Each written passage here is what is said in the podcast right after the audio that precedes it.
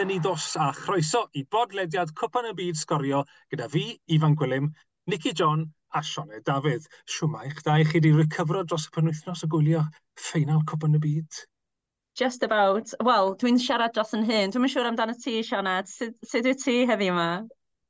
Uh, fi ddim yn oce, okay, fod yn onest. Fi bach just yn hollol delirious o'r profiad dal yn stryglo i fynd ar gyrau, i ddisgrifio'r noson, ond newn ni trafod mwy yn y man, ond...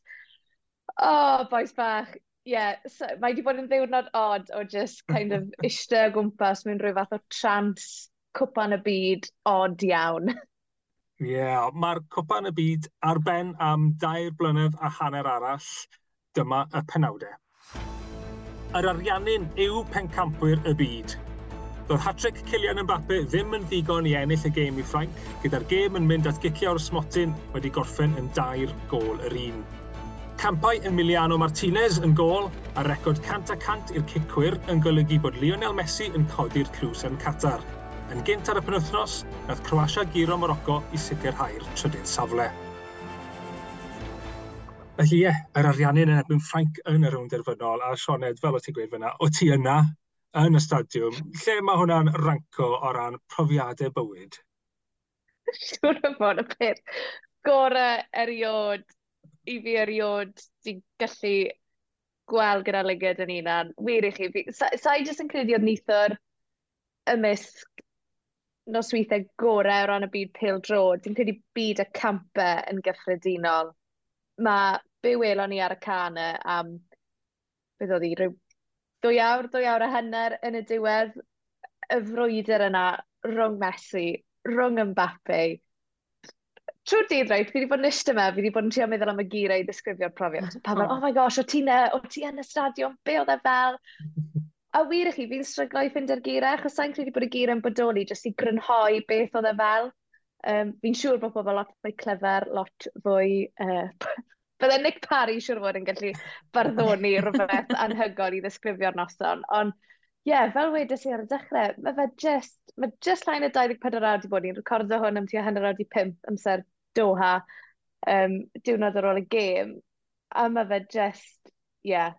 fi'n fi gwybod pan i fi gobeithio yn hen, a mae'n ie, yeah, i fi'n hen fy ngi, na i siwr fod byth stop o siarad yma noson, nes i weld Lionel Messi yn ennill cwp yn y byd. Ond nid jyst ennill cwp yn y byd, ennill cwp yn y byd yn y ffordd nath e. Achos, a mae rhaid i roi pob clod i Frank. achos, oh my gosh, am gêm, a oedd safon y pil drod, a oedd rhaid i'r ariannu'n ennill cwp yn y byd, tair, peder gwaith, gwaith yn y diwedd na yn ystod y hmm. gêm. A o'n i yn ochr cefnogwyr Ffranc, um, ond mae rai fi oedd lot fawr o gefnogwyr o'r ariannin o'n cwmpas ni. A pan nath yn Mbappe sgorio'r ail gol na, nath y lle brwydro. Ath pawb yn bonkers. A dda e just... Oh, yeah.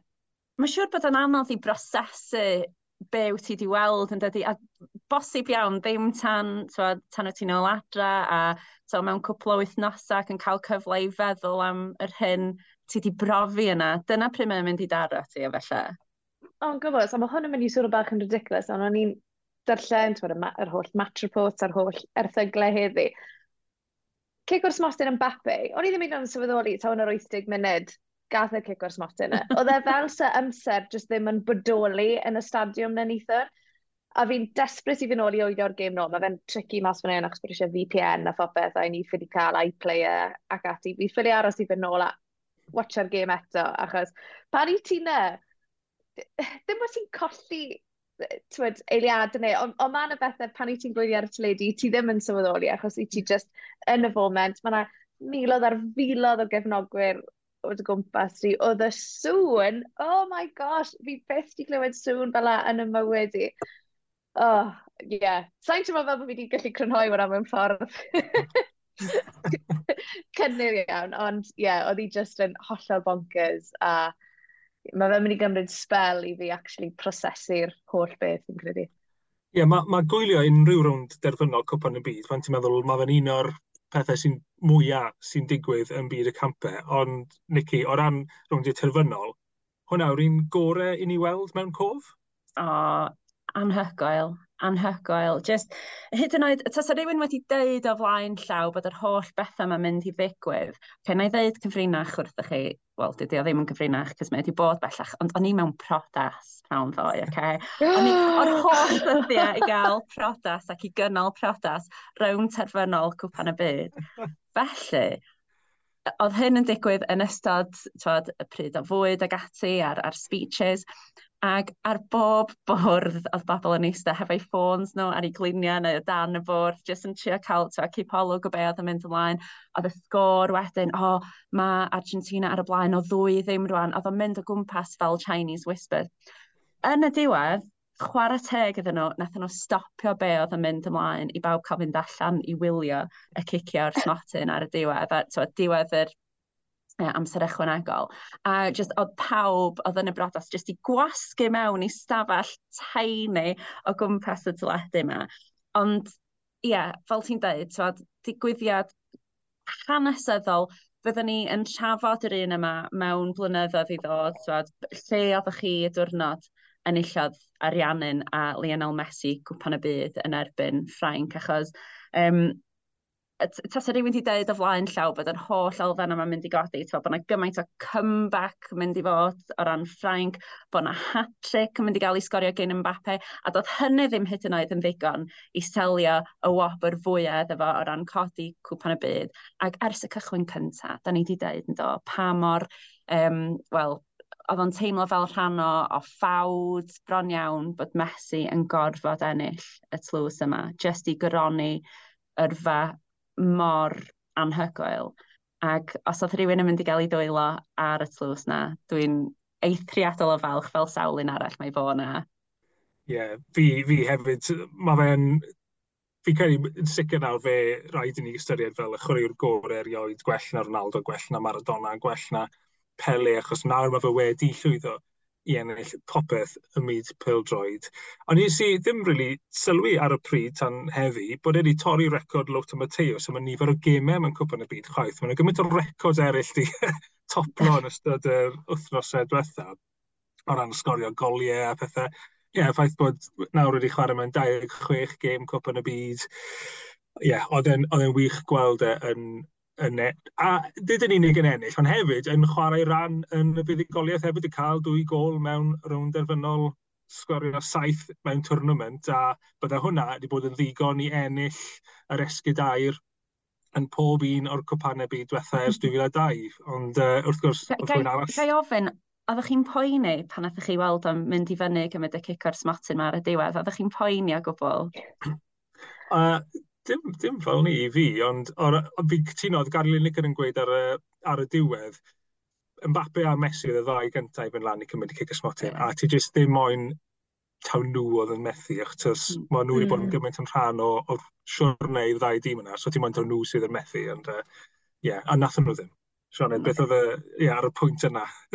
Cicio smotyn yn nerve-wracking fel ar, ar adegau gorau, ond mae'n rhywbeth yn ôl. Cwm beth, pan nath Ffrainc union i sgôr a ddim ddwy yr un, a oedd hi'n mynd i fyny amser ychwanegol, o'n i'n convinced bod Ffrainc yn mynd i ennill. Achos oedd yr ariannin, o'n nhw'n edrych yn hollol knackered. Sa'n gwybod beth ddigwyddodd i Ffrainc yn yr hanner gynta, o'n nhw literally heb droi lan. A oedd y ffaith bod Deschamps, nath ni gyd weld, nath e dynnu Giroud off rhyw 5 munud cyn yr hanner, Giroud ddim yn hapus. So, Yn bersonol, fi'n credu oedd hwnna'n really harsh. Gallai fe di aros tan hanner amser. Ond wedyn ni, pob clod i Deschamps gath i, nath yr newidiadau weithio, nath i dactegau fe weithio, achos oedd Frank jyst yn edrych o'r bwys fel hollol wahanol yn yr ail hanner. A pan nath ei amser ychwanegol, weles i fe dy Croatia a Brazil, pan nath hwnna i amser ychwanegol a cicio'r smotyn. Dim ond un tîm oedd yn mynd i ennill y gêm na, Croatia oedd e. A o'n i'n becso bod yr un peth yn mynd i ddigwydd gyda Frank. Ond wedyn ni, Messi'n cymryd y gic o'r smartyn yna. A hefyd, na, be nath Messi ac Mbappe wneud yn wahanol i Ronaldo a Neymar, nath nhw wario'r gêm nid yr achlysur. O'n nhw ddim ar ôl y clod, o'n nhw ddim ar ôl y foment yna. Oedd, na gyd o'n nhw mae'n neud oedd ennill y gêm, a oedd hwnna mor mor eglir o berfformiadau'r ddoi o'n nhw. O fi'n credu be na i byth anghofio oedd pan y foment yna pan nath yr ariannu'n ath y gic o'r smasyn ôl i gefn y rhwyd. Ennill cwp yn y byd, na gyd nath Messi oedd cwmpo i'w bengliniau a just, o ti'n gallu gweld nid just yr awr a hynny'r ddwy awr diwetha ar ei ysgwyddau fe'n codi, ond i yrfa fe. A pawb just yn nid i'w chi benne. A nes i just, nes i just sefyll na, e achos ar y pwynt yna oedd pawb ar ei drad nhw, oedd neb yn y stadiwm na eisiau mhm. ar ei seitau e nhw.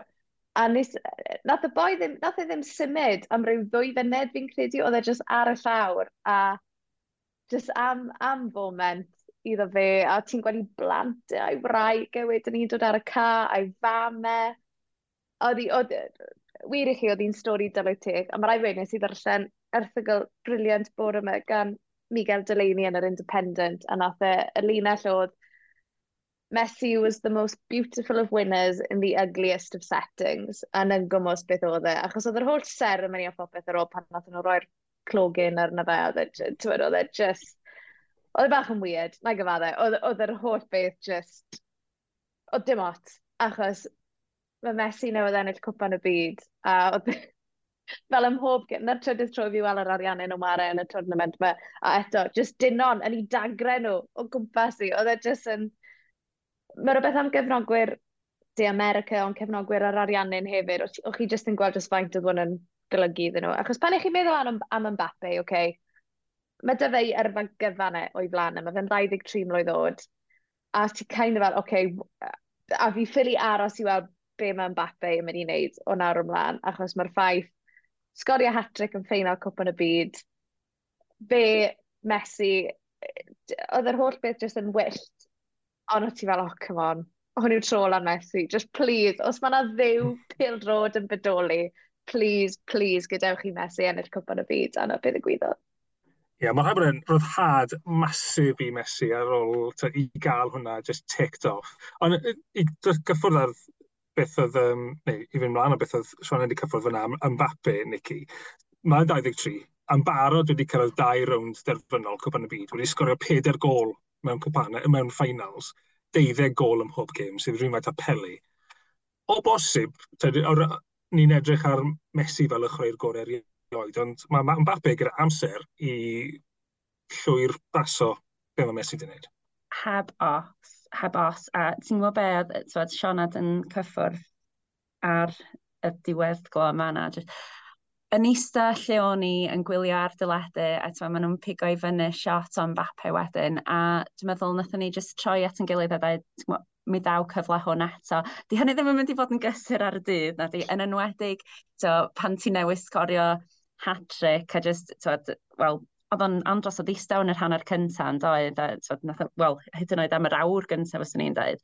Ond, twod, i roi popeth allan yna ar y cae, i sgorio hat-trick, a bod hynny dal ddim yn ddigon, mae hwnna'n eithriadol o siomedig iddo fo, ac wrth gwrs mae'n mynd i frifo am amser hir.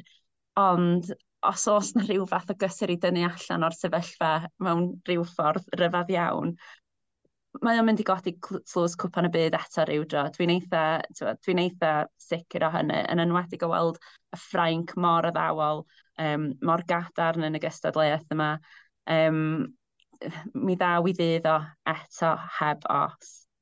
Ie, yeah, o'r tair gol yna, oedd yr ail gol yn absolute oh. cracker hefyd i oh. gol i'r tournament. Oedd e, oh. y e ffordd nath e orffen. Mae rhaid gweud, nath ail gol yn Bappe, nath e, o'n i reit tu ôl y gol, nath o ddigwydd reit o mlaen i, a nath o sgorio'r gicwrs Martin, a sydyn roi, twyd, ti'n gweld fel mae mae fe'n dechrau neud i rhendiad e, a ni'n eistedd o'n i'n meddwl, na, diw e ddim, no way. oh my god, oh my god, oh my god, a fel mae fe'n nesau at y gol. A oedd e, oedd e fel petai'r gol yn just yr holl beth yn slow motion, a eto, fe wedys i cefnogwyr Ffrainc, y sŵn fwy a swnllid a'r lle jyst yn ffrwydro a ti'n meddwl, dyma ni. Ac ni'n cofio meddwl yn yr hynny'r gyntaf yna, mae o'n rhy hawdd i'r ariannin a dyw ond ddim yn mynd i bara. Dim ffordd bod Frank yn mynd i ddod mas o'r stafell newydd na ar gyfer yr ail hynny'r a perfformio'n gwmws fel wnaethon nhw yn yr hanner gyntaf yna.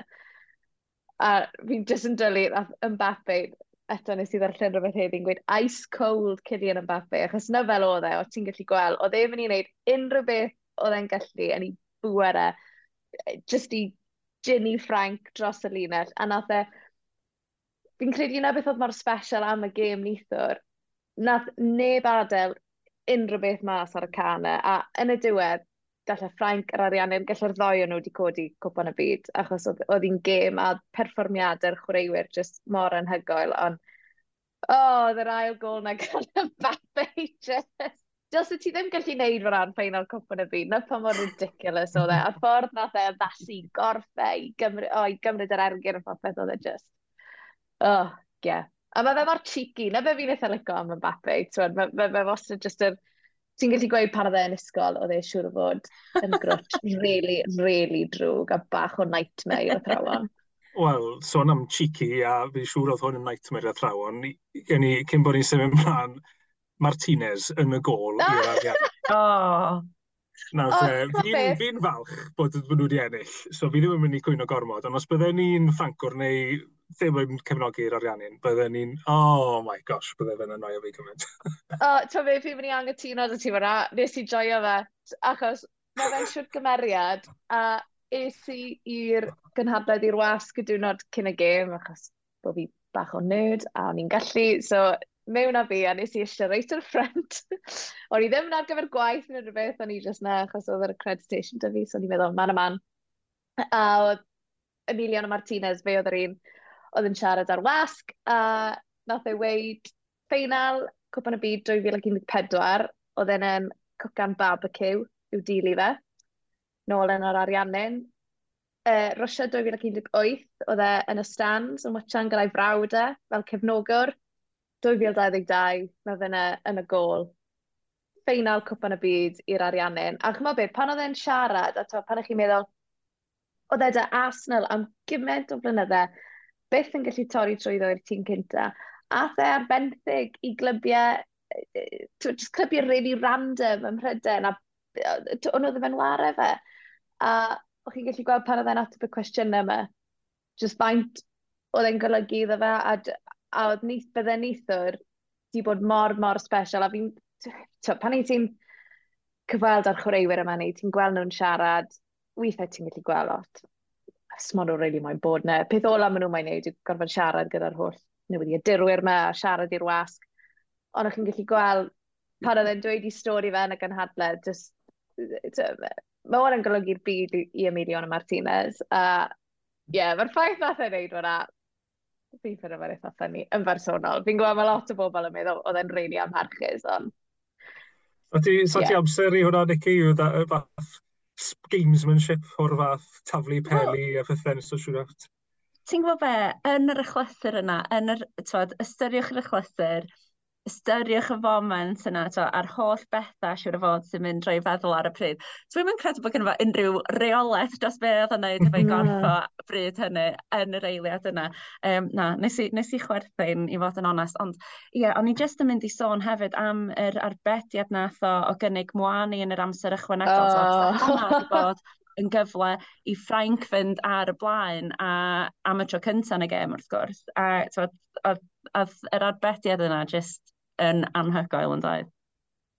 Fi'n credu beth oedd yn really ironic, eitha doniol, sa'n siŵr beth yw'r term gorau i ddisgrifio fe, yw pan ar y diwedd nath nhw roi'r clogyn traddodiadol dros Messi, sorry, fi ffili cofio'r term am yr actual, be maen nhw'n galw fe mas fe, byth, na ni, a um, a'n amlwg, Qatar yn gwybod yn gwmwys be nhw'n wneud yn y foment yna o ran bydde Messi, oedd e byth yn mynd i wrthod e, achos bydde ti ddim. Mae chwarae, PSG ar ben popeth Yn gwmws. Yn gwmws. Wages e. Mae'r ma boi newydd ennill cwpan y byd. Dwi e ddim yn mynd i fod yn meddwl yn straight. So mae dy ti'r llun, mae bydd Qatar just mor mor bles gyda ffaith bod e'n gwisgo hwnna. Ond wedyn, yn traw anol i hwnna, bydd ti Emiliano Martinez yn sefyll o flaen un o'r sheiks yn neud be nath e gyda golden glove a ti just fel, o to beth, they're human at the end of the day, fel mae pawb yn gweud. A to, mae'r boes fe, maen nhw newydd ennill cwpan y byd, a ti just fel, o, oh, ceirwch chi gael bach o sport, chi'n hyddi fe.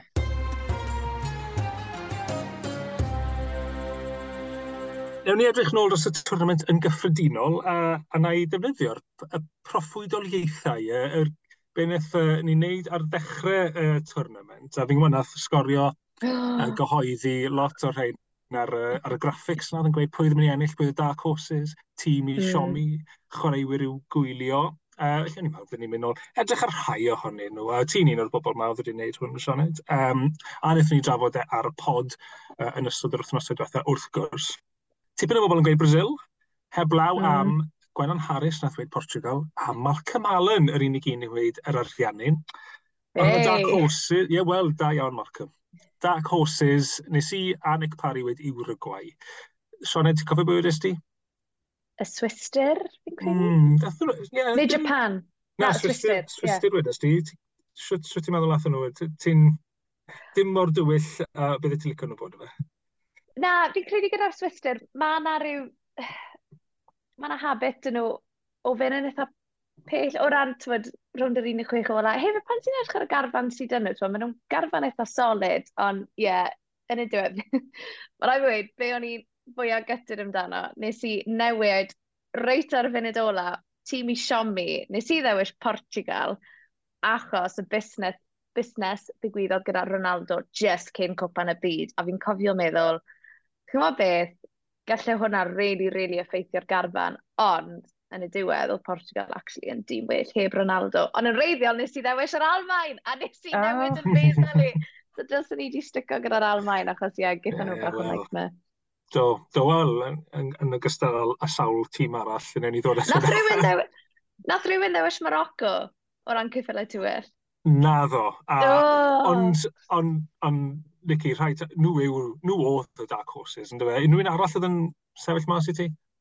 Um, na, fyswn i'n dweud Morocco, um, achos, twod, oedd e just, doeddwn ni heb really ystyried. No. Japan hefyd, dwi'n credu, twod, uh, edrych yn ôl ar y gemau cynnar na. Um, dwi'n yn gwybod, mae yna gymaint o... Mae'n job meddwl yn ôl am bopeth ar unwaith wedyn, yn dellu, yn enwedig heddiw yma, pan da ni just efo'n penna llawn o ffrainc ar ariannin. Ond dwi'n meddwl, ie, yeah, Morocco yn bendant, um, achos yn bersonol, do'n i ddim yn barod ar gyfer tyd, be ddothyn nhw i'r gystadleuaeth. Um, da ni wedi mm. trafod droion erbyn hyn, tyd, pa mor, pa mor dda, pa mor gadar oedden nhw yn amddiffynol, ac tyd, yn surprise i ambell i dîm oedd yn rili really cael trafferth i, i dorri nhw lawr. So, credu, ti'n iawn gyda Japan, fi'n credu. Uh, credu mm. lot o gwledydd Asia Africa yn gyffredinol nath wneud yn lot gwell na disgwyl. Hyd yn oed o'r rhain nath ddim dybas o'r grŵp fel Tunisia yn cael gêm gyfartal uh, yn ei gêm agoriadol a wedyn i Ciro Ffrainc. Um, pan ti'n meddwl am Saudi... Sorry, Ifan, pan ti'n meddwl am yeah, Saudi Arabia yn mynd i'r ariannu'n yn y gêm agoriadol. So, pan yeah. mae rai o'r canlyniadau ni wedi gweld yn y tournament yma. A so, be, mm. eto, pan i fi wedi bod yn eistedd pwys y pwll iddi, just mewn days really odd. Mae fe'n bonkers i feddwl, reit ar y ddechrau, oedd Cymru yma. Oedd Cymru'n yeah. rhan o hwn i gyd. So fi'n credu oh, heb os bydd Qatar, eh, bydd y tournament yma yn cael ei gofio fel un o'r ei gorau ni erioed i gweld o ran cwpon y byd, o ran pethau sydd wedi digwydd ar y cae. A fi wedi gwneud cymaint o gyfaliadau, fi wedi gweud yn tro ôl tro ar y cae, emphasis ar y cae, mae fe wedi bod yn anhygol. Wrth gwrs, oedd hi ar y cam, mae fe wedi bod yn really odd. Fi wedi bod fan hyn am fish, a byddai ddim yn unrhyw rhys i ddod nôl i Dohan. Na i just weid na, mae fe'n le odd iawn wrth gwrs, ni wedi trafod hwn mewn penodau blaenorol ar y pod, ond mae'r pil drod i ni wedi gweld, a just mae'r ffaith, wedi well, iddo fod nawr, mae'r holl beth ar ben, ond i ti dal yn gweld banner Cymru, just ar y strydoedd, neu yn y branding, neu be bynnag sydd yn nhw me. Mae fe'n anodd credu, boes, o'n i me, o'n i actually me ymysg goreion y byd. Dyma'n am ryw bythefnos, a okay, oedd e bach yn shambles ar y degau, ond o'n i me. Ie. Yeah. Falle, falle bod hwnna hefyd yn ateb y, y cwestiwn pwy nath Siomi, ond um, yn y ffordd wnaethon ni chwarae ar y cae, ond uh, i'n sym ymlaen un o'r peth eraill wnaethon ni broffwydodd i niw gwylio, i niw wylio, sori, um, nath Owen Teddy Jones gweud Cody Chacbo, a fi'n credu oedd hwnna yn mm. great oh. shout, achos nath e chwarae'n dda iawn i'r iso dirodd. Uh, dau, gael gyrwys ti, Sean wedi gweud uh, Julian Alvarez, cael holl ffordd i rwy'n derfynol, ac y chwarae, lot mwy nag o'n i'n disgwyl gweld yn chwarae gyda carfan yr ariannu'n rhaid gweud. Oedd yn ddau, ond pwy, pwy arall oedd y ser anisgwyl um, falle bydde ti ddim wedi... Si, emerging stars. Nicky, pwy sydd wedi dal dy sylw di? Um, Wel, y chwaraewr ifanc Enzo Fernandez, dwi'n meddwl yn un ohonyn nhw, just, waw, dwi'm yn, dwi gwybod os fydd am Benfica, twod, nwaith aw mis Ionawr, rwan, pam, cys mae yna sôn yn does bod yna tîma fel Real Madrid a Lerpwl ac yn y blaen yn cadw llygyd arno fo. Um, ac i feddwl, yn ystod cwpl o gema gynta'r tournament, oedd o'n cychwyn ar y fainc ac yn dod ymlaen fel eilydd, a wedyn, fwy neu heb wedyn, oedd oedd i selio i le yn yr, yn yr um, un ar ddeg oedd yn cychwyn. Um, falle, ie, yeah, i fi, oedd o'n un, um, ond twad, anusgwl, mae'n anodd iawn i eistedd yma a trafod chwaraewyr arall heblaw. Am, da ni wedi cael yn difetha, dwi'n meddwl, gen, o, o ran hmm. yr holl dalant sydd wedi cael ei roi ar lwyfan yma. Sianna, dwi'n cofio chdi wythnos dwytha neu'r wythnos cynt yn sôn bod ti wedi treulio gêm gyfan yn gwylio Luka Modric a jyst yn hollol amazed o'i, o'i ddawn o. So hyd yn oed yr hen ser ma neu'r wynebau da ni, da ni di arfer gweld yn chwarae ac yn syrenu ar y cae, tfod, they didn't let us hmm. down, mm. efo. Na. Mae rai fi y tri enw anusgwyl i fi ddili stop yn meddwl amdano. Doi o Morocco, Amrabat a Bono yn y gol. Oedd Amrabat yn erbyn Frank, oedd e fel arwr yn y gêm yna, er bod nhw wedi colli'r gêm. Eto, fel Modric, fi jyst yn cofio eistedd yna. A ni'n, o'n i'n eistedd gyda uh, un o'n ffrindiau i, si, ddim yn, dwi ddim rili'n really cefnogwr pildrod, so o'n i'n eistedd yn trial sponio lot i fi, a wedi si, just, the Morocco number four, just watch him, a just watch what he did. a na ble oedd e, yn eistedd just o flaen am ddiffyn Morocco, a pob symudiad o ran yr, ym, yr ymosod oedd Morocco yn neud, oedd popeth yn digwydd gyda fe. So Amrabat, bono yn y gol i Morocco, a nes i weld mîm yn gweud bod e'n edrych fel Prince Eric o'r Little Mermaid, a nawr fi just wedi stop yn mynd amdano fe, fel Prince Eric o'r Little Mermaid. Um, ond hefyd, Alexis McAllister i'r ariannu, oh, yeah. sy'n mar ei Brighton, just gweud bydde meddwl, a wedys i tweet hilarious heddi yn gweud, um, Uh, I hope McAllister's ready for Charlton on Wednesday night. You're only as good as your last game. and ni just fel, uh, so fi'n credu na'r tri, fel wedodd Nicky, mae gymaint, mae gymaint o chwaraewyr allan ni restru, ond fi'n credu na'r tri i fi wedi gallu gweld yn ware yn y cnawd. Hefyd, mae rai wedi Gonzalo Ramos i Portugal yn sgorio'r hat-trick na pan fe hmm. ddath mm. mewn i'r 11 pan nath nhw ollwng Ronaldo, Ronaldo ddim yn dechrau yn yr 11 a beth yw e, 21 blwydd o, fi'n credu, o top y menu. A na ble mae fe'n sgorio, wel, o'n i'n mynd i wedi yn y hat-trick y tournament, na, nath yn bapur, wrth gwrs, sgorio hat-trick neithwr, ond ie, yeah, mae fe'n un arall, fel wedyn ni, mae'r restr, mm. dyn ni'n siŵr fod jyst eistedd am awr arall yn trafod. Ie, yeah, na, na sicr eilio uh, Sofian Amrabat uh, o Morocco. Mm. Morocco fel tîm wedi chwarae mor dda, ond fi'n credu bod e'n crisialu popeth o'n nhw'n neud mor dda nid yn unig yn amddiffyn, oedd e'n ystod o flaen amddiffyn, ond hefyd yn symud hwnna mewn i gwrth ymosodiadau really mm. peryglus hefyd. So ie, yeah, byddwn ni'n meddwl, 26, a fel rhai o'r chwaraewyr eraill, falle ddim yn fynd i fod yn Fiorentina am lot hirach. Um, cyn bod ni yn gorffen, rhywbeth oedd yn amhosib proffwydo ar y dechrau, gol y twrnament, uh, yn gyflym pwy sydd yn ennill oh hwnna i chi. Chi, eisiau fi fi'n cynta? Mae'n edrych os eich byd o'r pembeth i chi fyna. Ond i fi, um, yn un o gamer tournament, y er, rownd y, y cwarteri yn erbyn, uh, ariannin yn erbyn yr Iseldirodd. A ceri hwnna'n un o'r gemau gorau, ond hefyd, y ffordd nath e orffen yn 90, uh, Wout Fechhorst yn sgorio o'r cic yna. Mm. Oedd y cic hmm. yna yn naughty. Oedd e mor... Tyd, o dan ar yr amser yna, yn cheeky a ffordd ffordd nhw orffen e gwych. hwnna oedd yr un i fi. Felly, chi wedi cael amser i feddwl. Uh, Sioned gynta, gol y tournament. Oh! Falle bod hon yn un amlwg. mae i reit nôl i ddechrau'r tournament.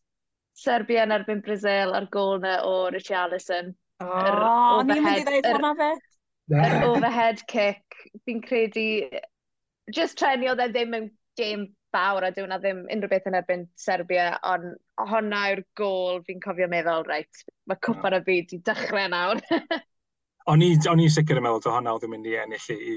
Uh, Ydy hwnna'n dau bleidlais i Richarlison, Nicky? Ydy, mae o. Um, yr un arall o'n i'n mynd i, o'n i di edrych ymlaen gymaint at wylio Brazil, ac oedd gol Neymar hefyd yn erbyn Croatia doedd yn un bach mm. neis, ond ia, yeah, Richarlison i fi hefyd, anhygoel na i fe'n hefyd, ail gol yn bapau yn eithwr. Just, yeah. yeah. Mae ma rhaid i honna fod ar y restr yn rolau. Diolch, Nicky, am ymuno da fi. Diolch yn fawr iawn. A diolch, Sioned, uh, Sioned Saff nôl adre o Qatar. Ia. Yeah. Diolch, byddai yn y dre newydd ar y doleg o Dohau'r dre newydd, na le byddai. Dre newydd yn y Brystwyth, fi'n credu credu. Uh, diolch i chi adre am ymuno da ni, nid yn unig ar gyfer y rhifyn yma, ond ar gyfer y cwpan y byd i gyd. Byddwn ni'n ôl yn y flwyddyn newydd i barhau gyda'r podlediad arferol yn edrych ar y Cymru Premier, ond tan hynna, Nadolig Llawen! Nadolig Llawen! Adios!